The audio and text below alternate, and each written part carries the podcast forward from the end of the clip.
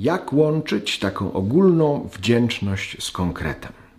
W tym liście do Rufina właśnie Ewagriusz to pisze, że jesteśmy Ci wdzięczni, w ogóle cali wdzięczni za to, co posiadasz, co u Ciebie znaleźliśmy. Wdzięczność, wdzięczność, wdzięczność. Ale też bardzo konkretnie pamiętamy, że przyjąłeś nas do klasztoru wtedy, kiedy zimowy szron pokrył e, nasze cele. I było nam zbyt zimno konkretnie, żeby zostać wtedy na pustyni.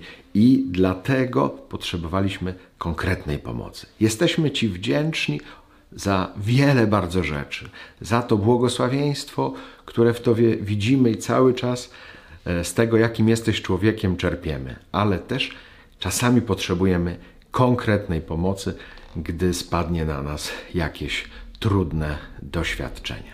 Nie ma jednego bez drugiego. Nie da się doświadczać takiej ogólnej wdzięczności bez doświadczania wdzięczności w konkrecie.